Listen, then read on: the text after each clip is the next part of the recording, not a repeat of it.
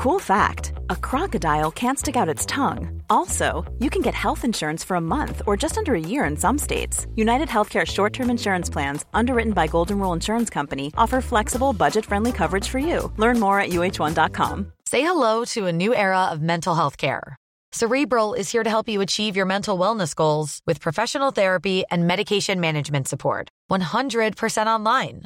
You'll experience the all new Cerebral Way, an innovative approach to mental wellness designed around you. You'll get a personalized treatment plan from a therapist, prescriber, or both in a safe and judgment free space.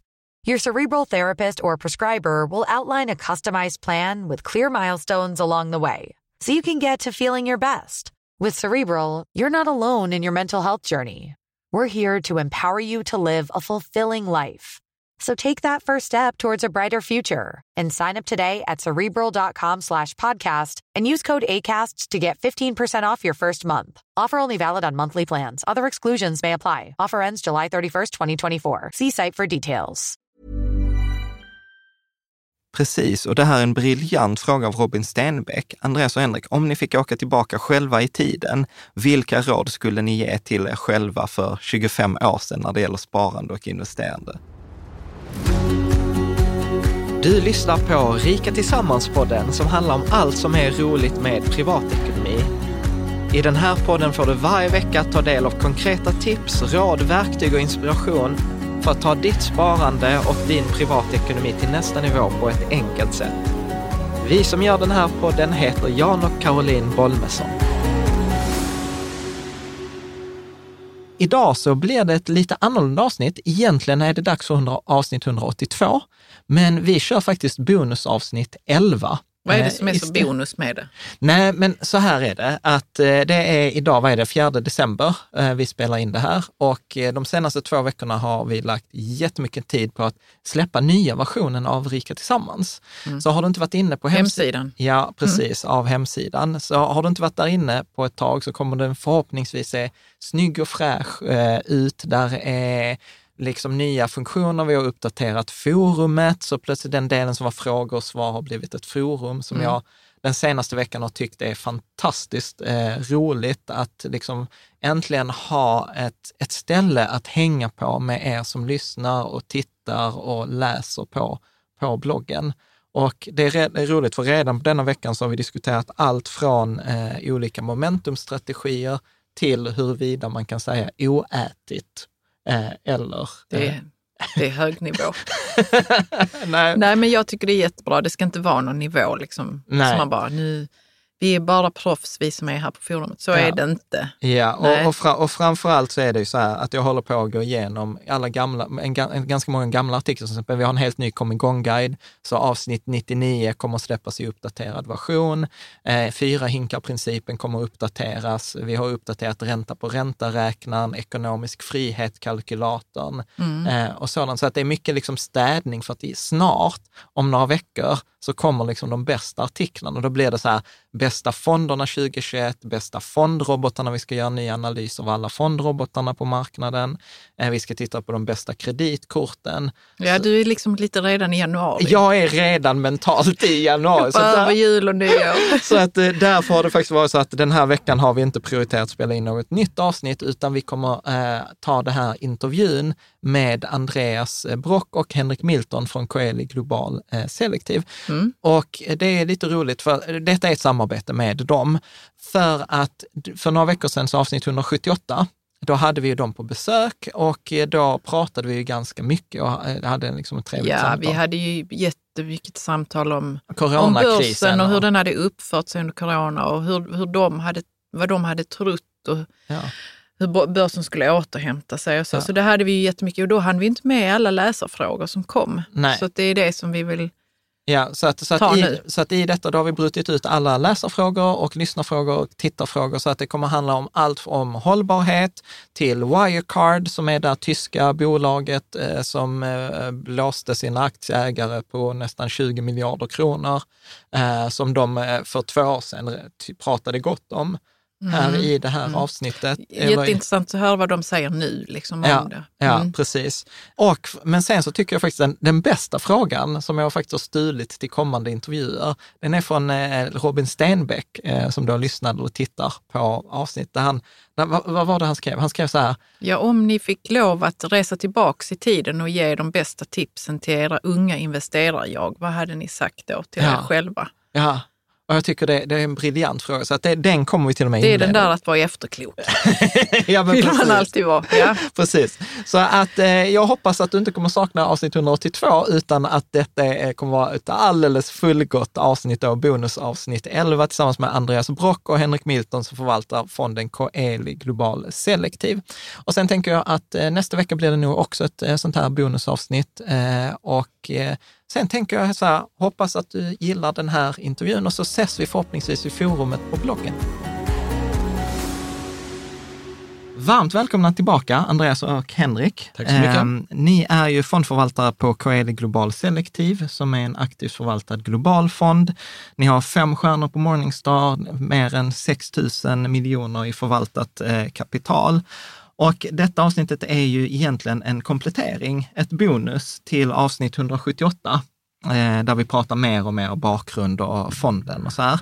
Men här tänkte vi att vi tar läsarfrågor mm. som har kommit in. Till, Spännande. Ja, det är jättemånga väl? Ja, precis. Mm. och många av dem är riktigt, eh, riktigt bra. och jag tänker att vi ska börja med Robin Stenbecks fråga. Okay. Och detta är en sån här fråga som jag tänker vi ska ha i framtida intervjuer. Oh. Så ska du ta den?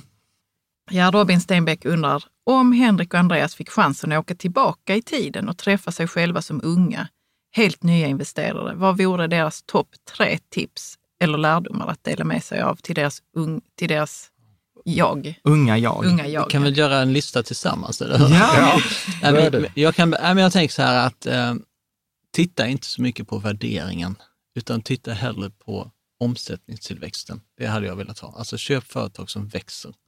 Det, det, det blir mitt första bidrag. Här. Ja. ja, jag håller med där. Man, man börjar väldigt mycket som värdeinvesterare. Liksom, vad, vad är fabrikerna värda? Vad är marken värda? Och så vidare. Man fokuserar inte tillräckligt mycket på resultat, resultaträkning.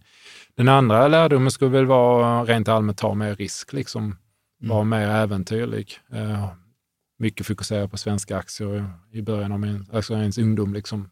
Varför var jag det? Ja. Varför stack jag inte och kollade vilka häftiga företag som finns på ost, ostkusten i USA.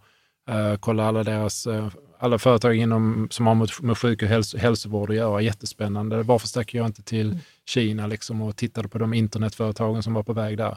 Ta, ta mycket mer risk, liksom bredda horisonten. Mm. Uh, man var väldigt snäv i, i sina tankar. Mm. Och, och kanske med lite med självförtroende att göra också. Ja. Sen tredje rådet blir ju där att slopa det här med rebalansering, utan köp en aktie, äg den på lång sikt. Men jag tänkte själv om du köpte 100 Apple-aktier för 20 år sedan, liksom. vad, vad de skulle varit värda idag. Det är ju helt fantastiskt. Att, om man inte hade sålt av dem för att balansera precis, hela hela tiden, utan mm. bara äg, fortsätt äga dem om vi nu ska gå ja. vara riktigt krassa. Det var våra tre. Ja, men, ja, men ni får komma men med fler. jag tänker också, ja för ni är två. Det kan ja. ni. Så ni får, ni får minst ha sex. Ja. Men eh, för när jag hör er berätta om detta så tänker jag så här, shit, alltså det är ju då vill man ju leva så. Lever mm. ni så nu? Eller jobbar ni på det viset nu? Ja, ja mm. det gör vi. Ja. Mm. Och sen, ja förlåt. Nej men, nej, men och, och ta liksom, tänka galna tankar. Liksom. Vad kan det här företaget vara värt om två, fyra, fem år? Liksom.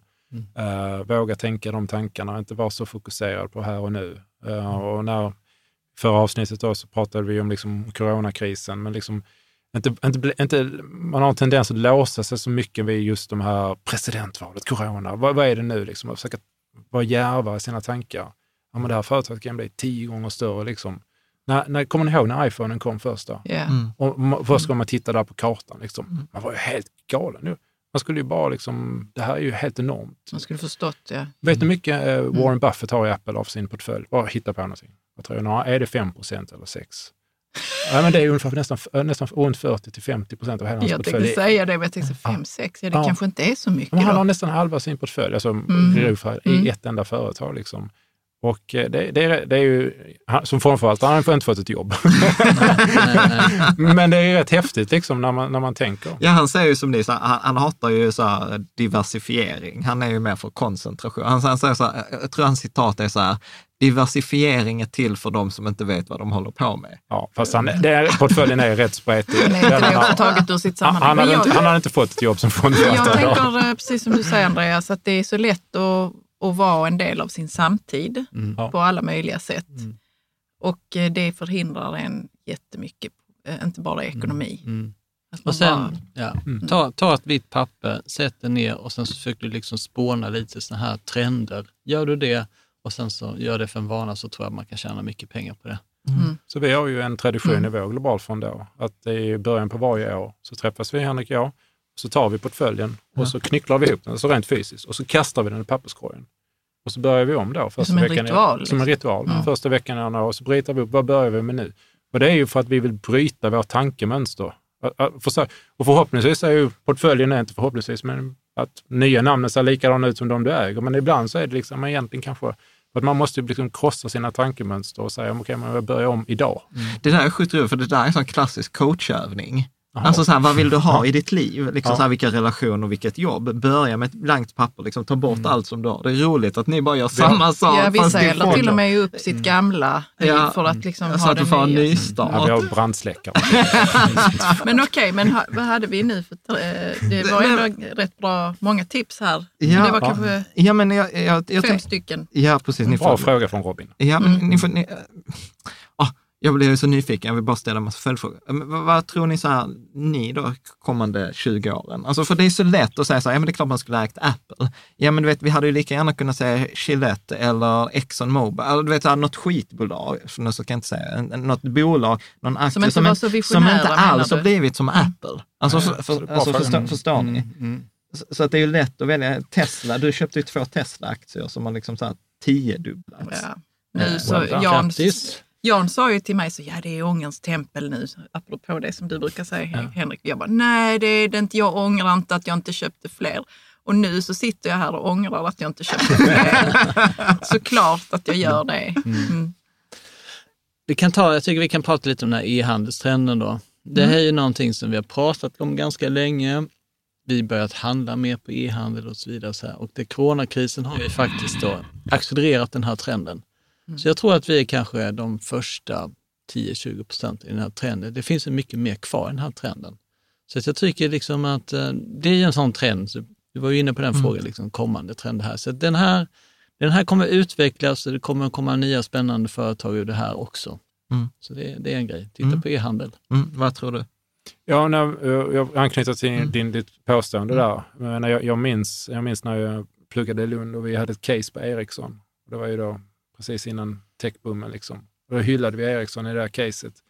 Kom jag till London Business School, där hade vi ett case på Dell. Och det, var ju, oh, det var det mest fantastiska företaget på hela mm. jorden. Och jag minns när vi gjorde Dell, att jag, liksom, Ericsson ifrågasatte jag inte, jag var så ung mm. då, men jag minns när jag gjorde Dell och tänkte, men vad är, vad är det de har? Liksom?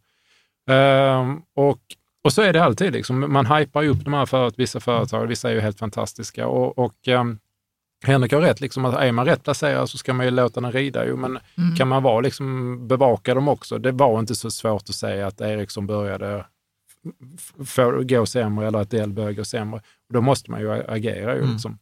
Sen så gäller det också att ha modet att hålla ut uh, i de man kan. Mm. Så, men, men, men var går gränsen mellan att hålla ut och, och, och, liksom och, var, och släppa och taget? Det vet jag. Släppa, ja. ja. Mm. Fallande vinster. Ah, När vinsterna faller och eh, då är det bara att sälja, alltså ja. när caset är över. Okej. Okay. Ja, ni gör det så men vänta här nu, vänta här nu. De kan ju komma tillbaka.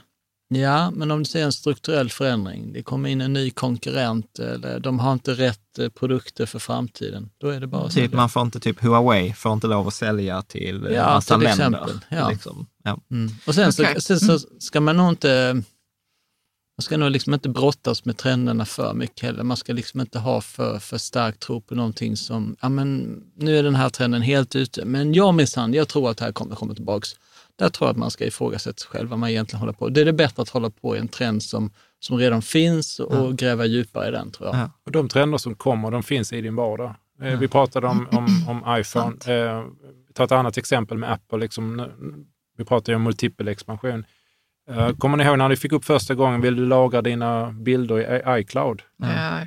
Fem dollar i månaden. Mm. Så börjar man räkna då. Jag kommer ihåg, jag gjorde det här hemma då. Fem dollar i månaden, varannan person. Det är, det är 200 miljoner iPhones, det är 100 miljoner, det är 5 miljarder dollar.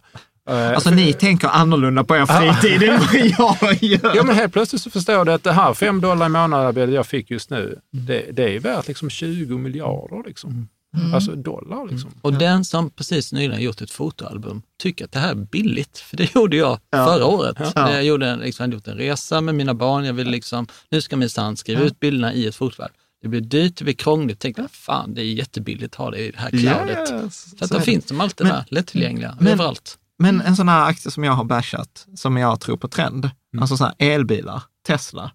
Mm. Vad, vad är spontant? Eh... Man kan säga så här att om du hade tittat på Tesla-aktien Alltså för i, fem år sedan. Nej, men, ja, men tittar, låt nu Henrik ja, nej. Om du tittade på den i, i, september 2019 så har du faktiskt förlorat pengar på din Tesla-aktie. Du, hade, du var neråt på kursen. Och sen så kom då i, i slutet av 2019 så bara blev det en rymdraket av Tesla. Men jag, jag, alltså jag, har, jag känner en hel del personer som bara älskar Tesla. De har tjänat pengar på Tesla-aktien och de äger en Tesla-bil. Och det är liksom en religion, Tesla. Ja, det lite... Men det är ju som Apple. Ja, lite grann. Men, men, och sen så, mm. men sen finns det då, sen så finns det saker med Tesla som är bra. Det är till exempel att de har ju lyckats integrera det här med batterierna till, till alltså batteritillverkning in till, till biltillverkningen.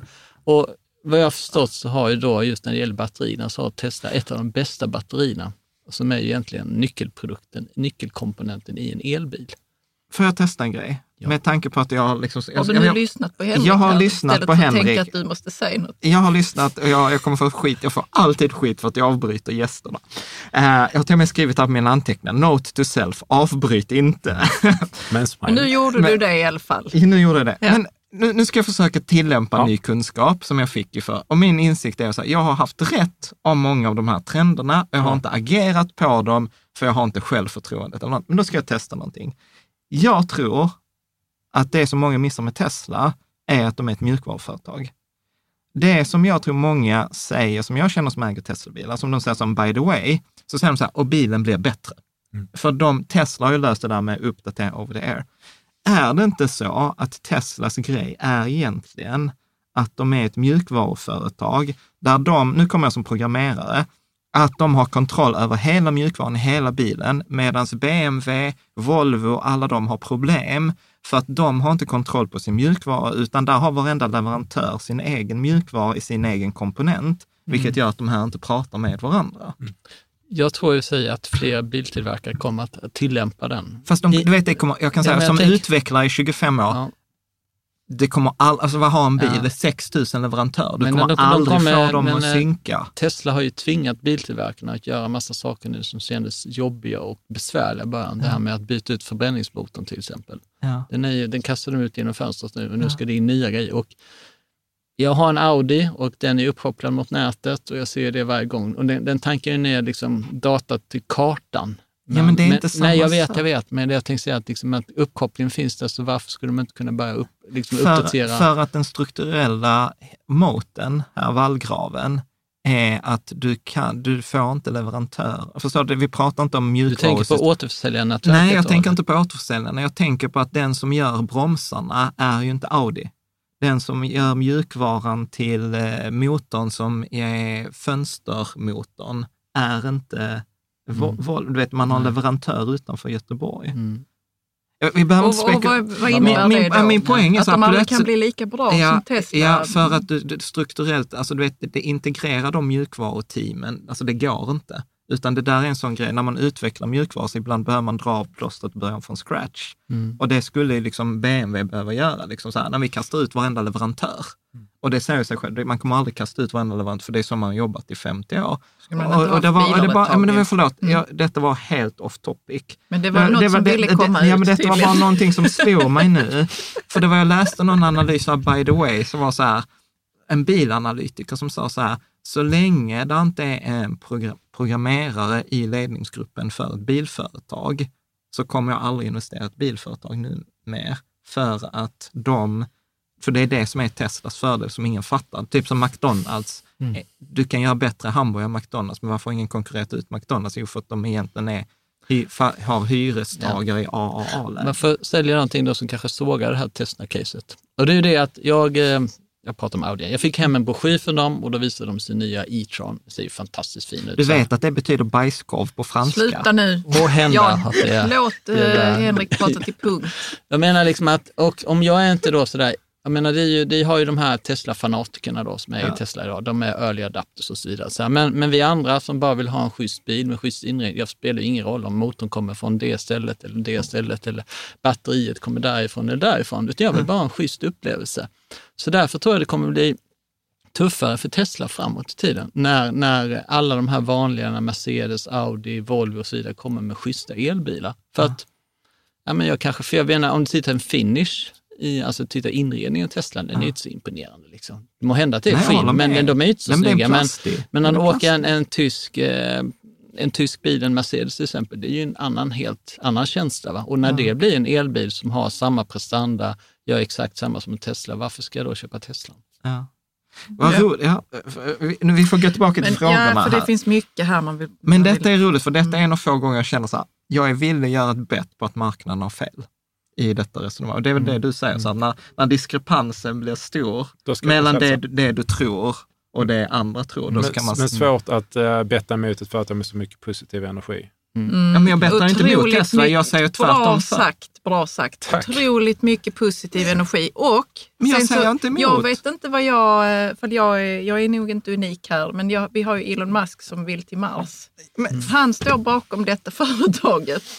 Jag tycker han är liksom ovanför här någonstans, sin samtid. Mm. Här är samtiden, här är Elon Musk. Mm. Det är som på två plan, helt uh, utanför mm. sin samtid och helt visionär. Alltså jag känner mig väldigt missförstådd här nu, för jag, för, för första tror, gången på, på, Jag på tror tre... att han, ja, han gör något annat här. Han gör annat än bilar. Och de andra gör bilar. Ja, men låt mig få prata Så. till punkt nu här. Ja. Jag har ju bashat Tesla i 30 avsnitt. Detta är ju mitt första, så att jag till och med säger att jag kan tänka mig investera i Tesla, för jag tror att folk har missuppfattat företaget. Mm. Och så ja, kände... ja, okej, okay. Det kändes som att du sa något annat faktiskt, med den ton, det tonläget som du hade. Jag vet inte varför. Jag vet inte vad ni tänker grabbar. Vi går vidare. Ja, vi går vidare. Vi går vidare. Marcus. Mm? Marcus. Marcus Braun.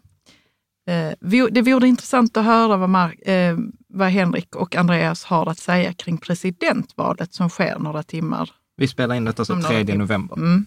Tar du den, Andreas? Ja, det, det, är svårt att säga. Alltså, vad man än säger om Trump, om man säger positivt eller negativt, så blir man hatad. Liksom. Så att, eh, vi, ja. vi uttalar oss inte om, om presidentkandidaterna. Eh, en gång, det är en osäkerhetsfaktor. När väl osäkerhetsfaktorn är över, oavsett vad det blev, eh, så, eh, så, så kommer förmodligen börsen att reagera väldigt positivt. Eh, och sen är det så, jag menar båda, båda det finns, det är, de är två människor, det finns också två partier runt omkring. Vad de än fattar för beslut måste gå igenom kongressen, senaten. Den är fylld av extremt högutbildade människor med, som vill Amerika väl. Och mm. var, vilka lagar och en beslut som kommer att fattas så kommer majoriteten av dem förmodligen vara väldigt bra för ekonomin. Det är ju ingen som vill att ekonomin ska gå dåligt nästa år. Mm. Så frågan är liksom hur stora blir stimulansen? Är det en triljon, två triljoner? Liksom, med stimulanser blir det. Så att när det här väl är över, osäkerheten är borta, så kommer det fattas bra, bra och dåliga beslut, men väldigt många bra beslut för ekonomin. Och, och eh, vi ser väldigt positivt på mm. nästa, nästa år. Så ni ser de mm. kommande tolv månaderna ser ni positivt på, ja. börsen? Och sen är det så här att man backar tillbaka bandet då när det förra presidentvalet var. Då var ju en röst på Donald Trump, det var ju en röst mot Hillary, eller Hill, eh, Hillary Clinton. Hillary Clinton, mm. precis. Och idag så är det ju en röst om, om Donald Trump ska vara kvar eller inte. Så att det, är väldigt, det blir väldigt så personberoende det här valet. Mm. Det är få som gillar Biden, utan man som ogillar Trump. Nej, nej, exakt. Och vi vet mm. ju inte så mycket om Biden egentligen. Och det är inte så konstigt för att vi har ju lärt känna Donald Trump här under fyra år. Och det är ju en, det är ju en rätt spännande person, alltså positivt och negativt. Mm. Han har ju rätt mycket utspel. Mm. Ja. Ska vi ta nästa fråga? Från Jimmy Svensson. Hur skulle ni komplettera en portfölj eh, med den fonden som ni har? Vilka andra innehav och fonder och tillgångslag skulle ni ha i ett långsiktigt sparande? Mer än, mer än er egen fond? Ja. Ja, vi har, ja, ja liksom, det, är, det är fonden vi har liksom investerat vårt privata kapital i. Så, uh, det tillgängliga kapitalet, så ett hus. Nej, ett hus men man skulle kunna säga att man hittar, menar, vi tror ju väldigt mycket på den här filosofin med dedikerade förvaltare, koncentrerade ja. fonder. man kan leta upp en annan fond som jobbar på ett liknande sätt så att man får ett litet överlapp när det gäller till exempel innehaven. Vi har en, en, ett antal innehav, en annan fond har ett annat innehav. Så mm. titta på den typen av fall. Eller så, ja, det skulle man kunna tänka sig. Men jag, jag tänker eh, till exempel, om, eh, detta är en fråga också som kommer lite senare, men det är till exempel många som spekulerar att ja, men under detta decenniet så kommer vi kanske hamna i ett höginflationsscenario. Det funkar inte att centralbankerna driver marknaden, att till exempel schweiziska centralbanken är liksom en av de större ägarna i Facebook. Alltså att vi har strukturella problem. Hur, alltså så här, hur ser ni på liksom så här ett kommande inflationsscenario? Eller liksom, vad? Ja, nu är jag lite provocerande. Mm. Och jag säger att vi har ingen aning. Mm. Vi hade ingen aning om att corona skulle hända för 12 månader. Vi har ingen aning om vem som vinner presidentvalet. Vi hade ingen aning om Brexit. Vi har ingen aning om räntor och så vidare. Och vi har ingen aning om vad som kommer hända de nästa tio åren på makromässigt. Utan vad enda vi kan, där, de variabler vi kan kontrollera, vad säljer företagen för produkter? Vad har du för klocka på dig, Caroline? En Apple. En Apple-klocka, mm. ja. Gillar du den? Yeah. Ja, nu gillar den jättemycket, eller hur? Så Apple kommer förmodligen sälja klockor om tio år som folk kommer gilla jättemycket och det kommer generera massor med intäkter. Vi försöker lägga oss på företagsnivå, för det är mycket, mycket enklare att förutspå. Eh, kommer Sika att göra tätningsmedel om 10-20 år? Ja. Är de bäst i världen på det? Ja. Är priserna höga? Ja. Och då vet vi liksom, de variabler som vi kan kontrollera, det är ju de vi investerar i. Sen makromiljön är ju, det är jättesvårt liksom att förutspå. Och sen blir det också liksom, jag, jag, vi känner mycket folk i finansbranschen och många av de som tenderar att bli förmögna, det är de som fokuserar på aktier. Och, och det är där vi lägger vår, vår kraft. Så ni är ingen så här, och du vet, ja, men jag tror på, på det där och då tar, ja, det, vi, alltså, då tar, då tar man till exempel guld eller då tar jag räntefond. Låt oss ta en whisky en kväll och ja. prata guld. Liksom. Men, men, men, men, då gör vi det för det nöje. Liksom. Det är, mm. Eller vi kan prata president, då gör vi det för nöje. Men jag skulle liksom aldrig gå och fatta beslut för tusentals människors pensionspengar baserat på liksom min lilla, lilla magkänsla. Utan de besluten baserar vi på liksom riktiga produkter, riktiga företag och så vidare. Mm. Eh, det är där vi lägger oss. Mm. mm. Och sen är ju säga, jag tycker att företagsobligationsfonder är en ganska bra investering. Eh, det måste jag säga för att eh, där får du ju egentligen företagsrisken alltså på ett positivt sätt för att du har ju kontrakt att man ska betala en kupong. Den här går till ett förfall, förvaltaren säljer och köper nytt. För det man får med en företagsobligationsfond, det är ju en, man får ju en diversifiering, man får ju eh, den här uh, företagsrisken som man är ute efter på ett positivt sätt. Mm.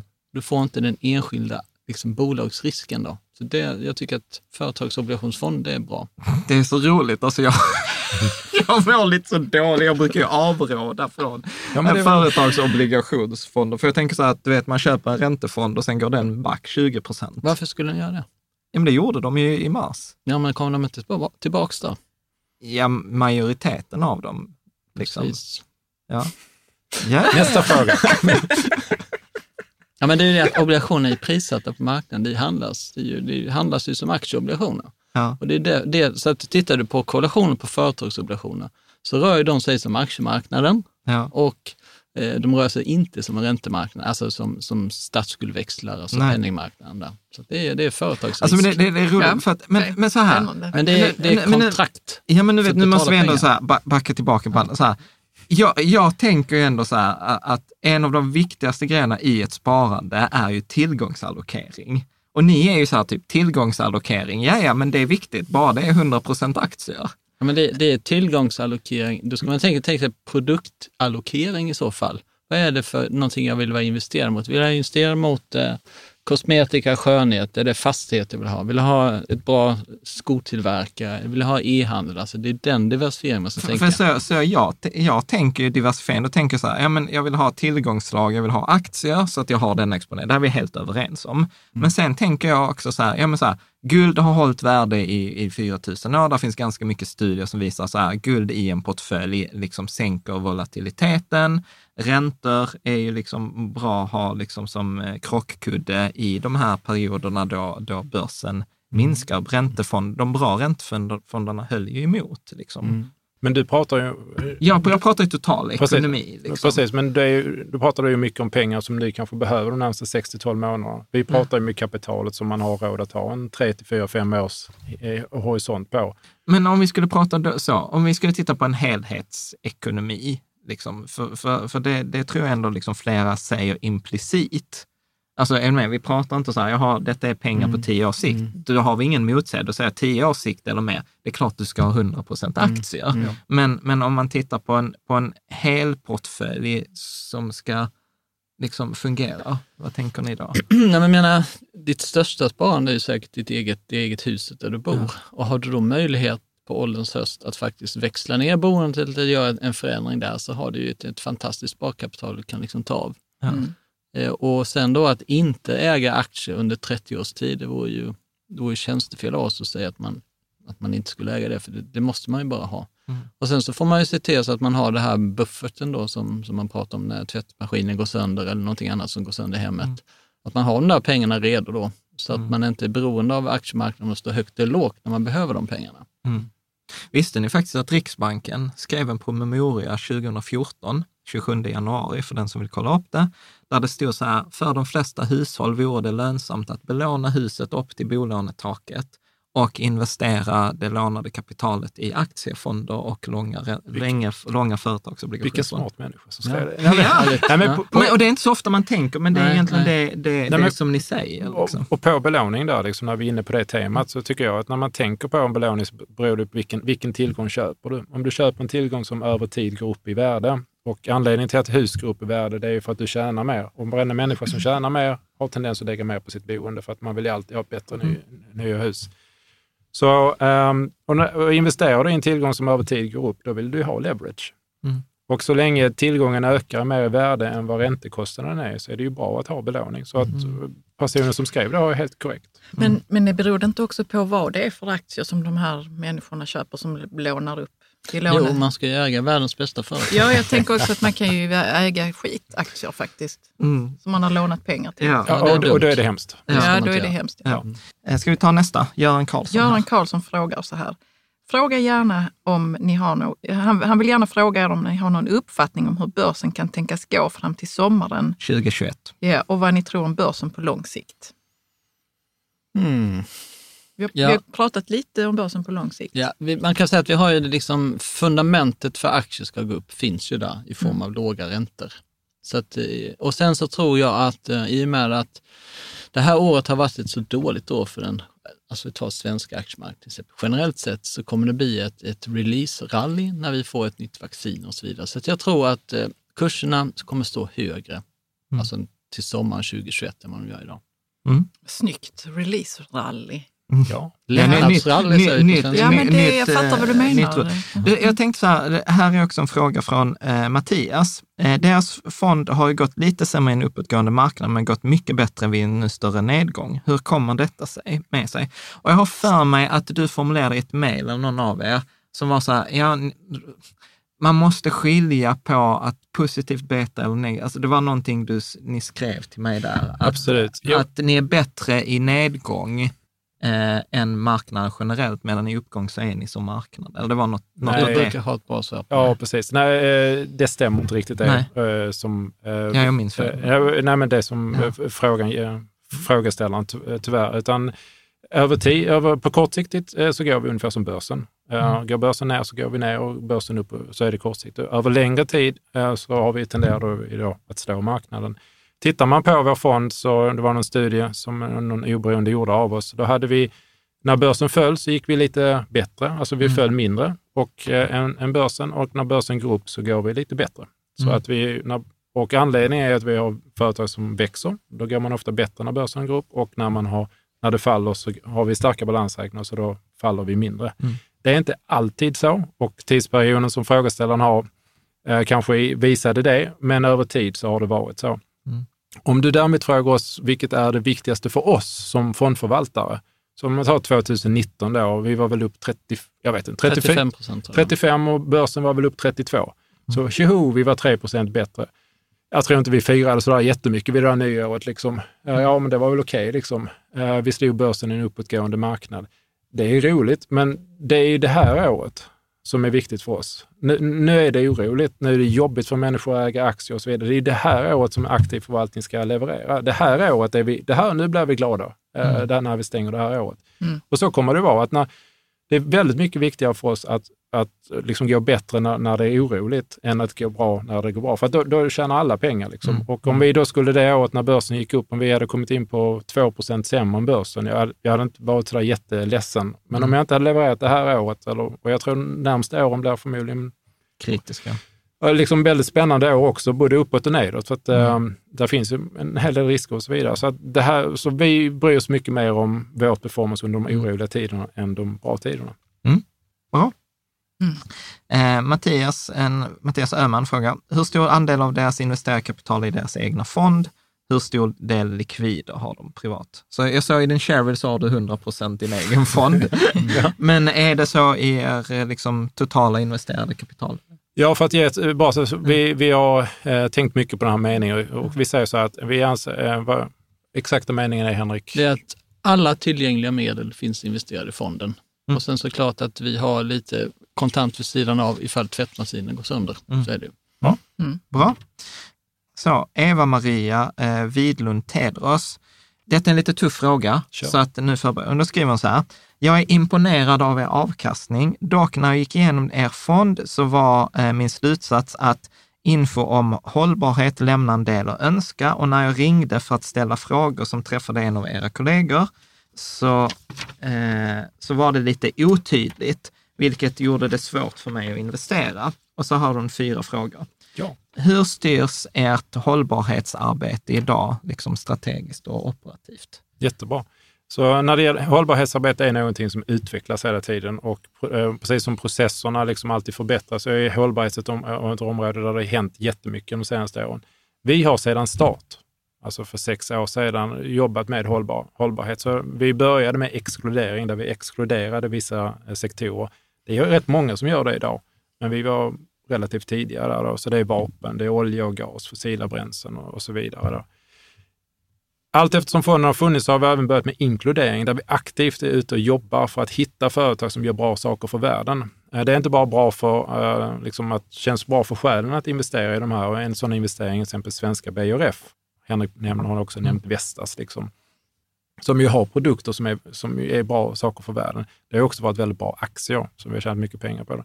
Den tredje delen, och där, där börjar vi med, jobba mer aktivt de senaste 18 månaderna, eh, är ju påverkan då där vi liksom aktivt går ut till eh, alla företag som vi definierar som champions och försöker påverka dem i rätt riktning. Då. Och då, enligt de här E, S och G då, så är ett exempel då på, på, om jag börjar med eh, E då, så, vill, så uppmanar vi alla våra företag att fatta, eh, göra bra saker som är bra för miljön, som är baserade på vetenskap. Hur, hur ser detta ut rent konkret? Vi skickar ut ett brev till dem eh, där vi med liksom, letterhead och så vidare mm. och, och, där vi säger att vi uh, har investerat i, hos er och vi vill att ni, uh, vi har, kommer förmodligen att äga aktien längre och ha mer pengar hos er ifall ni gör följande saker. Och detta är också någonting vi förväntar oss att ni gör. Liksom. Får ett väldigt positiv respons från våra företag uh, som tycker det är skönt när någon inte skäller på dem. För att de hamnar ofta i en situation där folk kommer dit och skäller och skäller och så hängs de mm. ut i media. Och det är rätt skönt när folk säger i förväg, det här är vad vi förväntar er oss av er. Eh, så på ett miljö, miljöaktiviteter ehm, som är baserade på vetenskap. För det finns mycket som inte är baserat på vetenskap. På S då så vill vi gärna att de har en inkluderande policy och vi mäter själv på våra företag hur mycket kvinnor finns det i styrelsen, hur mycket kvinnor finns det i executive management och vi uppmanar våra företag det. Och på G då, på governance, som är en sak att vi vill gärna att vd-rollen och ordföranderollen är skilda. Vi vill också gärna ha en intern, redovis, eh, intern eh, revision Alltså en oberoende sån som rapporterar till styrelsen um, um, och så vidare. Då. Så att vi, och sen, då, sen utöver det då, så går vi in i diskussioner med våra företag då, eh, när det då verkligen känner, men vill vi verkligen att ni ska men, göra? Men blir ni, blir ni lyssnade på? Upplever ni liksom så att när ni träffar investeringschefen eller ni träffar vdn, och så, för jag vet till exempel att ni ska träffa en vd för ett börsbolag här efteråt. Eh, liksom, tar ni upp de här frågorna och liksom, vad, hur är responsen? Liksom, för att annars tänker folk så här, ja men vi gör påverkan, så tänker man så här, ja de skickar ett mejl så har man kryssat av det i sin checklista. Liksom. Mm. Jag tror att man bygger en hög här, en pappershög helt enkelt, liksom, för att vi är inte de enda som gör, jobbar med ESG. Det är mm. fler som skickar in brev, det är fler som pratar om det här och när hela tiden för en debatt om det här med ESG så börjar man ju gärna tänka ESG hela tiden. Mm. Så jag tror det att, att uh, i början så kanske det inte var någon som reagerade, men nu när alla pratar om det, då, mm. då blir det viktigare för dem. Och sen så är det så att ofta så har ju en vds, uh, hans lön, långsiktig lön sätts ju lite av hur aktiekursen går. Mm. Ett bolag idag som är hållbart är ju mer intressant än, än ett bolag som icke är hållbart. Mm. Så att han har ju väldigt starka incitament för att faktiskt göra bolaget mer hållbart, för då kommer aktiekursen gå upp och då blir han rikare. Mm. Han eller hon. Eller han eller hon, precis. precis. Det är så lätt att tänka att en vd är han. Ja, ja. precis. Eh, Okej, okay. Hon hade fler frågor här. Finns ska... investeringar i fossila bränslen? Vi har inte ägt det någonsin i fonden. Mm. Nej, Nej. Det är nolltolerans. Vad har ni för klimat eh, och miljö och andra relevanta risker? Hur Vänta här nu, vad står här? Vad har ni för klimat och miljö, andra hänsyn till? Liksom, hur tar ni hänsyn till miljö, klimat och andra relevanta risker i ert resonemang och övervägningar? Ja. Oj, eh, komplicerad fråga. ja. eh, nej, men det är ju en del eh, i arbetet att identifiera de här riskerna i företag. Och det kan ju vara till exempel i produktionsprocessen. Eh, tog vi upp, till exempel upp med Sika då, som ju är ett kemiföretag. Vad har ni liksom, har ni, vad har ni för, hur jobbar ni med miljöfarliga ämnen? Eh, när kommer de ut i naturen och så vidare? Och vi tyckte vi fick ett bra svar på det. Och sen går, jobbar man vidare med det här eh, hela tiden. Så att, eh, och det kan ju vara, vi, vi tittade på oljetankers, alltså de som skeppar olja. Vi funderade på det i tio sekunder och så tänkte vi, vill vi äga någonting liksom som, som kör en grund, på grund någonstans och släpper ut massor med olja? Nej tack, mm. du vet. Eh, det, har, det producerar ju inte fossila bränslen, men det, eh, ändå. Har att göra med det. Precis, mm. och, det, och då, då åkte den ut och så vidare. Och så här jobbar man företag för företag, men alla företag har ju olika liksom, risker. Liksom. Amazon har ju haft eh, liksom, den det som var negativt med Amazon och varför vi inte kunnat äga den historiskt, det var ju för att de sa ju nej till fackföreningar. Sen, ja, har, de, ja, sen har de ju ändrat den mm. policyn. Och när de ändrade den policyn, då var det ju ett företag som vi kunde börja investera i. Mm. Men du pratar lite mer om Amazon så kan man säga det. Den som lyssnar in på konferensomtalet har ju hört att de faktiskt höjt minimilöner nu. Eh, mm. Där de höjt upp lönerna för sina anställda och de har jobbat väldigt, de har tagit enormt mycket kostnader just för just covid-19 för att skydda de anställda. Så att jag tror att eh, det här arbetet liksom med hållbarhet är även något liksom företag som Amazon som faktiskt tillåter sånt här. Då. Och det, mm. jag tror att det är investerarnas förtjänst bland annat och media då, som trycker på helt enkelt. Mm, bra. Från Facebook har vi lite frågor också. Göran Tistrand här.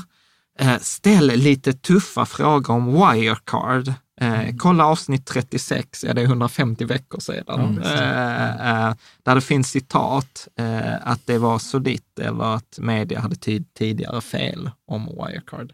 För ni hade Vad hände den, med Wirecard? Ja, Wirecard. det var ju att de hade fuskat med bokföringen. Mm. Att de fuskat med två miljarder euro. Vem, alltså vem kan veta det? Ni pratade innan om att ett bolag ska ha internrevision. Hade ja. det Ja, men för, för, för, ja. vi, vi bara rundar, Okej, jag ska tillbaka. inte hålla på här nej, nej, du kan nej. få hålla på om en liten stund. Ni hade det ett tag i portföljen. Mm. Kan, mm. kan, ni inte ge så här kort recap? Och, kom ni, och sen kom det en fråga här också senare, så här, kom ni ur det innan det small? Alltså, vi, vi, började köpa Wirecard på 45 euro ja. och vi sålde rätt mycket på 170 euro. Så att det har ju varit en bra investering för fondandelsägarna. Eh, efter vi sålde där vid 770 så började aktiekursen gå lite. Den gick ner väldigt mycket först och sen så gick den upp och då så köpte vi lite mer aktier. Eh, sen kom den här första artikeln i Financial Times. Eh, jag minns att vi debatterade den väldigt, väldigt mycket. Vi spenderade flera dagar bara på att prata om den här artikeln. Om det här var, var det här, kunde man lita på informationen som kom från Financial Times eller inte? För att till och med den här tyska finansmyndigheten införde ett blankningsförbud på Wirecard. Så att det här är nonsens och så vad, vidare. Vad stod det i Financial Times? Eh? Nej, men det var ju precis att de hade liksom fifflat med redovisningen. Ja. Det, och det var ju mm. någonting i Singapore, eh, jag kommer inte ihåg exakt vad det var. Det var väl att det skulle finnas två miljarder euro på ett konto i Singapore ja, ja. och som inte revisorerna kunde mm. hitta. Precis. Mm -hmm. Och det här började uppdaga då vissa saker och ting som, som det här eh, artikeln lyfte upp, att de inte riktigt hade koll på saker och ting. Ja. Den här trojkan då som, som drev Wirecard, eh, de hade ju inte riktigt eh, de visste ju självklart om det här, va? Men, men ja. Sen var det då folk i organisationen, för att man ska säga att men jag, jag träffade ju till exempel Ia, då, en kvinna som bor i Tyskland. Jag tycker jäkligt synd om henne idag. Liksom. Som, som gick ut och kommunicerade en bild för företaget att det här är världens mest fantastiska bolag, men var det en ren och skär lögn. Men Andreas har gjort en ganska häftig grej med den här forensic analysis. Ja, men precis. Så mm. om, vi, om vi tittar Wirecard då. Um, men hade ni den i fonden när den ab- föll? Uh, nej, det hade vi inte. Nej. Uh, och det upptäckte vi. Så att uh, om man, um, man... Wirecard var ett företag som det var en frågetecken om när det gällde deras redovisning. Eh, när vi investerade 2015 så gjorde vi vår egen analys på det här och kom fram till att, de, som hade, att de hade fel. Alltså att eh, Wirecard hade inte gjort någonting fel, utan de, de som påstod att Wirecard hade, gjorde, hade konstig redovisning hade fel faktiskt. Och det har ju visat sig i efterhand, så vitt jag har följt i FT, att 2015 så var det helt rent mjöl i påsarna. Det fanns inget konstigt. Så där hade vi rätt. Sen följde vi ju, när vi analyserade Wirecard så pratade vi med folk som använde deras produkter och eh, det var ju en artikel i DI från någon som också är eh, stor eh, spelare som hade använt deras produkter. Och de, deras teknik var hur bra som helst. Och det vill jag gå tillbaka till vad Henrik sa här, liksom att där fanns ju tusentals duktiga ingenjörer på Wirecard som gjorde en produkt som var superbra. Vi har pratat med, vi har varit nere i Brasilien och pratat med folk som kände till Wirecard. Fantastiskt, sa de. Vi har varit i Indien Wirecard är fantastiskt. Så det fanns en kärna i Wirecard som var fantastisk. Allt eftersom eh, eh, tiden går ju så eh, går ju aktien väldigt bra och allting går bra, bra för dem. Och sen så kommer de här artiklarna i Financial Times och eh, redan innan dess så hade vi börjat liksom, började vi känna att det är kanske vissa saker som inte stämmer. Det finns alltid någonting som inte stämmer i alla våra investeringar. Det är alltid risker, mm. det är alltid problem med något företag, ett företag som har Eh, operations över hela världen. Det finns alltid någonting vi frågar. Frågan är om det är tillräckligt för att vi ska sälja. Och vi, vi kom fram då i, var det i mars, tror jag det var, eh, när årsredovisningen kom ut för 2019. Korrigera mig ifall jag har fel Henrik. Men nej, förlåt. Uh, 2018 måste, 2018 måste 18, 18, varit, eftersom det var i våras som släppte 19. Precis. Ja, när, det var där det blev precis, när, helvete. när redovisningen kom ut för 17 så hade vi börjat, börjat vi ifrågasätta kassaflödet i möte med dem. Och då ja men bla bla bla. När 18-årsredovisningen kom så sa vi att eh, nu, nu, räcker, nu funkar det inte längre, för vi fick inte kassaflödet att gå ihop. Och saken var då att det hade byggts upp en väldigt stor kassabalans på dem. Enligt, eh, och vi fick liksom inte det att gå ihop. Att det, vi jämförde dem med de amerikanska spelarna och vi sa att det finns inget anle ingen anledning till att de ska ha den här typen av kassabalans. Och vi pratade med vd och så vidare som var i branschen och vi la, som Henrik sa, väldigt mycket tid på det och därför sålde vi av. Sen så gick ju, eh, sen gick ju tiden och sen så har det ju faktiskt funnits tre liksom, tillfällen där, där, där har hänt väldigt konstiga saker med Wirecard efter det, där, där de har skjutit upp årspubliceringen och årsredovisning och så vidare. Så det fanns ju rätt många chanser för dig att komma ur den mm. innan, det gick, innan det gick dåligt. Man måste bara hålla sig uppdaterad och mm. följa, följa, följa investeringar. Och till slut då så visade det sig att det var ju någonting konstigt med kassabalansen nu, mm. uh, och så vidare. Men jag var åt, det här var ju ett företag med tusentals anställda.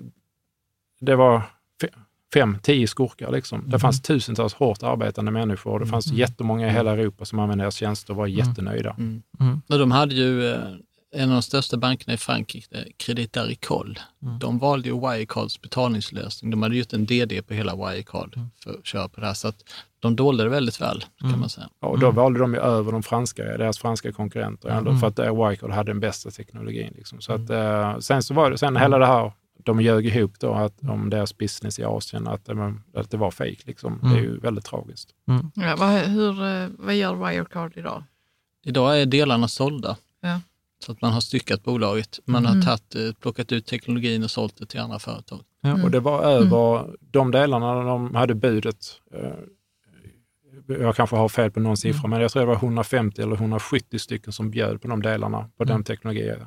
Så det här var ju liksom det var, var spjutspetsteknologi. Han bjuder inte 150 olika företag på, Nej. på teknologi. Men de skur, vad säger man, skurkarna, eh, jag är bara så nyfiken på vad som händer med Ma Marcus Brown, han sitter väl häktad fortfarande tror jag. Ja. Eh, han är polska ekonomichef, han är, han är försvunnen. Mm. Han har flytt. Det är lite som spionthriller här. Ja, ja det är det lite. Ja, uh, okay. Det var mycket frågor här från både Kim Svensson, eh, Kim Svensson och Willy Sal Salomonsson om just det här, så det har vi tagit här med mm. eh, Wirecard. Yeah. Han, han var så här, Johan, här ska ni få göra er 30 sekunders pitch här, okay. som jag kommer jag, jag ska liksom så, oh. Johan Örneblad, varför ska man välja deras fond istället för att låta en fondrobot göra valen? Så om ni ska sammanfatta det på 30 sekunder.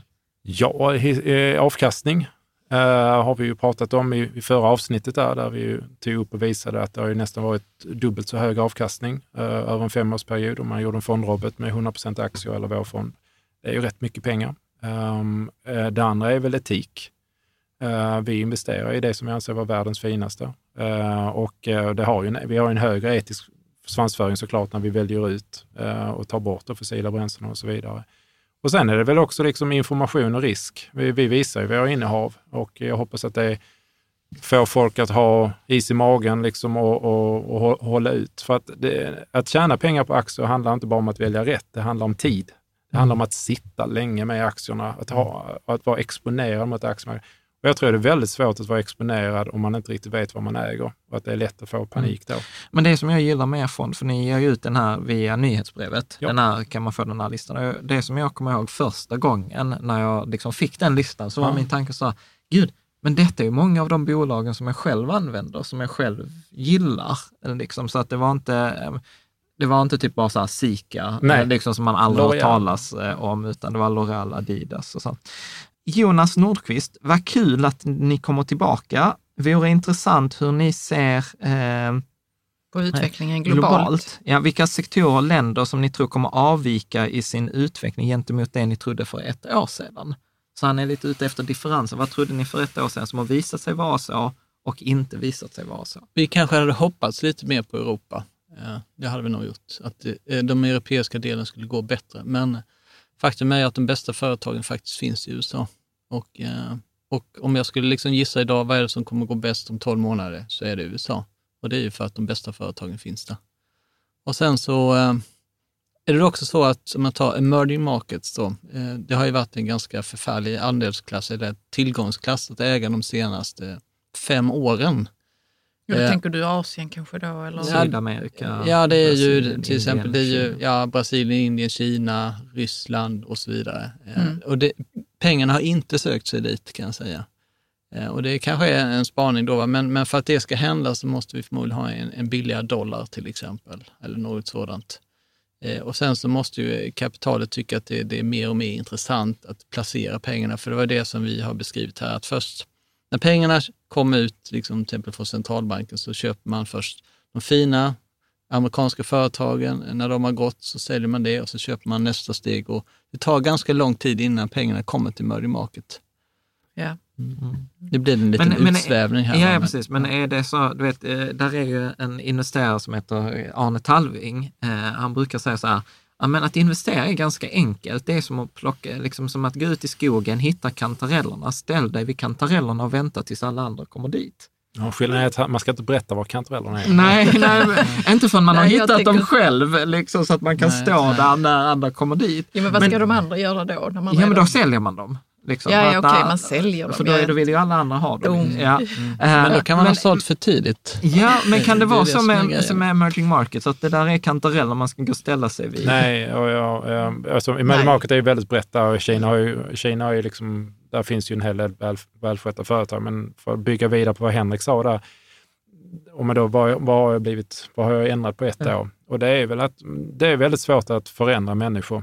Henrik tog upp Europa där. Man, man är, man, eh, jag tycker ibland synd om människor som bor i vissa av de här europeiska länderna som aldrig sköter sig. Liksom. Uh, man kan ju säga vad, um, kan själv läsa vad, vad spanjorerna tyckte om det här uh, räddningspaketet. De vill ju att EU sätter press på sina politiker. Mm. Man tittar på länder som Turkiet. Det håller på att implodera liksom, ekonomiskt. Och det är ju de själva som, som skapar det. Vi tittar på företag i, i Afrika och vi tittar på företag i andra, liksom, där, där korruption och andra intressen. Så att det finns inte sådär jättemånga företag som är, drivs för, för aktieägarna och som har liksom eh, rent, rent mjöl i påsen och, och ibland så, som, så dyker det, blir man besviken där också. Liksom. Ja. Men det, det gäller och därför tillbaka till Arne, det är inte så svårt. Nej, men väljer man de här företagen som drivs för aktieägarna, som är i de här stabila politiska miljöerna och har det här drivet, ja men självklart går ju en portfölj av 30 sådana företag bättre än 2000 där det allt, allt möjligt finns. Mm. Och det är bara sunt förnuft. Liksom. En, en sån här grej som bara slår mig nu, när mm. vi sitter här och pratar. Så nu kommer jag göra ja. lite, lite tillbaka, nu vet jag inte ens om det var förra avsnittet eller detta. Så sa du så här, vi vet inte vad som kommer hända nästa år eller om tio år. Makromässigt. Ja, makromässigt. Ja, vilket är egentligen, för det är precis exakt samma åsikt som jag har. Mm. Du kan inte förutsäga framtiden. Eh, men det roliga är att då, då går ni tillbaka till ett steg längre, egentligen företagen. Mm. Och då tittar ni så här, kommer, kommer jag be, behöva ha en Apple-pryl? Mm. Eller kommer människor ha en Apple-pryl? Kommer människor köpa väskor eller smink? Kommer folk använda Office-paketet? Precis. Så vi hade ju en jätterolig, där mitt under coronakrisen så ja. hade vi ju ett möte med er ju. Ja. Vi hade ju det via Zoom, tror jag det var då ju. Och då gick vi igenom de här trenderna och det var precis det vi sa, att vi frågar, frågar fortsätter trenden, fortsätter trenden genom corona då. För det där tycker jag är jättespännande, för att jag bara drar en annan, för jag stannar, jag stannar ofta ett, eller ett, vid ett annat rödljus. Ja. För då stannar jag så här, okej, okay, vilka tillgångar, jag vet inte vad som kommer hända i framtiden, så därför sprider jag mig över olika tillgångar. Och istället så säger vi, vi koncentrerar oss Ni koncentrerar ja. i ett tillgång. Det, är bara, jag bara säga, det var egentligen ingen fråga. Utan, där, nej, men det var bara, ja, men det var bara så här, men jag gillar att urskilja, var är, liksom, var, var är det vi har samsyn? För ja. vi, har, vi har ändå samsyn i väldigt mycket. Mm. Och, och sen är det vissa, och det bara blev intressant att se att där var det egentligen att det är där vi tänker olika, och vilket är spännande. Mm. Eh, jag tänker att vi ska börja runda av här. Pam, pam, pam, pam. Det är mycket, många frågor som vi redan har avverkat. Eh, som vi har avverkat, mm. ja men precis. Så ja, men vi har här på, på ja. Några av de bästa avsnitten har varit när ni är med. Skulle gärna höra dem prata hur de tänker i turbulenta tider som vi kanske nu står inför. Fyra, fem månader, långt mycket värre än coronasmitta än i våras i och med vinter. Vad lutar ni er mot att sitta lugnt i båten? Hur resonerar ni i dessa tider? Det är väl egentligen en variant på det vi redan har haft. Men ja, men, men där gäller det också då, och, och jag skickar väl med den till alla. Liksom. Vi, vi, vi pratade tidigare om vad, vad hade varit bra för oss alla, och, eh, vilken produkt hade vi lagt och allt, Allting var hälsa. Mm. Och därför försöker vi i våra privatliv att, att liksom, vi tar våra semestrar, vi, vi tränar, vi har, liksom, vi har disciplin för att alltid vara fräscha mentalt när krisen mm. kommer. För nästa, mm. det, kommer, det kommer en kris om 12, 18, 24 och så här håller, håller det alltid på. Liksom. Mm. Så därför gäller det som, som människa, tror jag, i ens eget liv, oavsett vad man jobbar eller sysslar med, att se till att man har balans. Eh, mellan träning mellan, och äter bra mat, man tränar, man har bra relationer och, och jobbar på dem. Så att, så att man har den här energin, reserven, som man kan liksom använda mm. när, när, när krisen kommer. Yeah. Mm. Något du tänker, Henrik? Du får gärna repetera frågan. Ja, alltså, nej men så här, att om vi kommer nu med en coronasmitta, vad, liksom så här, Som är värre, liksom, som är den här värre, andra vågen. Ja, vad, vad tänk, för du sa ju ändå så här, lättnads, du tror att vi kommer att se mm. ett vaccinrally, eller vad mm. var det du kallade det? Release-rally. Release ja, alltså vi, vi, man kan säga så här att vi kommer ju lära oss leva med, med, med corona. Eh, mm. Vi, ju, vi var ju rätt, eh, liksom, kanske lite kaxiga och sa att det här kommer blåsa över och det har vi kanske delvis fått äta upp. Men å andra sidan hade vi ja, positionerat fond, också, ja. Vi har positionerat fonden för en uppgång och det gick upp och det har gynnat mm. oss. Men, men, eh, men nu är det liksom att man, man måste tro också på mänskligheten för att vi gör ju hela tiden saker och ting som blir bättre och bättre och bättre och bättre mm. hela tiden. Så att jag tror att vi kommer, vi kommer manövrera i corona och få vår ekonomi att växa igen och vi kommer hitta vägar framåt här. Eh, men, men är man ute liksom mer för aktietaktiska tips och så mm. vidare så skulle jag vilja säga liksom att man, man, man kanske ska våga, lite som Warren Buffett, liksom, man ska köpa när blodet flyter. Liksom. Mm. Är det så att det blir sättningar, utnyttja dem. Eh, mm. Har du lite kapital på sidan och eller är det något bolag som hemskt gärna skulle vilja äga, skulle du älskar ju. Tesla. Om de har en ordentlig dipp och du tror på Tesla, köp lite då. då. Att ha lite där ja, avbytar. Ha lite det här avbytartänket. ja, liksom, att man exakt. har en lista på sin ja, ja, Men det är roligt för att vet du vad detta, detta säger, för att de flesta är ju rädda för en börskrasch. Ja. Men det är roligt för det säger både ni och Erik Strand som också är en annan eh, fondförvaltare, säger så här, alltså en börskrasch på, för unga människor är en börskrasch bra. bra. Mm. Eh, för det betyder så att, de vi, att de kan komma mm. in, att de får möjligheter att köpa in sig. Och det är många gånger, han säger till mig så att det är många gånger i de stora börskrascherna som de kommande liksom, förmögenheterna byggs upp. Mm. Så att man behöver liksom inte vara så himla rädd eh, för, för det där. Grymt. Jag tänker så här, vi hade kunnat prata hur mycket som helst. Vi, du vet, jag hade en fråga här, liksom att du sa så här att ja, vi har precis gjort en analys på svenska bankerna och det är, så här, det är typ inga kreditförluster, inga reservationer för kreditförluster. Men jag tänker så här, det sparar vi till, till, till, till frågestunden ja, eh, som vi har på, på, på Patreon. Mm jag vill säga så här, ett fantastiskt stort tack för att ja, ni har tack. kommit. Och sen vill man följa ert nyhetsbrev så koeli.se global, Koeli med C. Eh, och då får man också, man får den här listan med de här 30 bolagen eh, som mm. ni uppdaterar, vilket typ väldigt få fonder gör.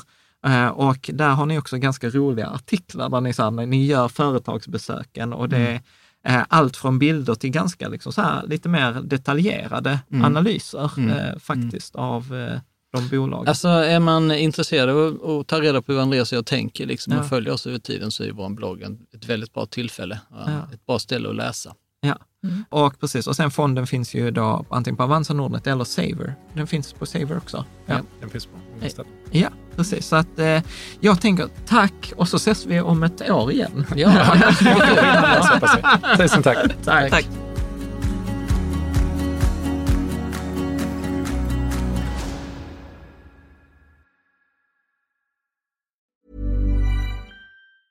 Hi, my name is Danny Pellegrino from Everything Iconic, and I'm excited to talk to you about Club Med. Club Med operates beach and mountain resorts and is the best all inclusive getaway for families. They have Club Med Punta Cana, their flagship family resort, and many other options in Mexico, the Caribbean, and around the world. Club Med are the pioneers of the all inclusive concept, which is the best way to vacation. Great for families, groups, or even solo travelers looking for land and water sports, delicious food, and a place to make unforgettable memories. Visit clubmed.us, call 1 800 Club Med, or your travel advisor.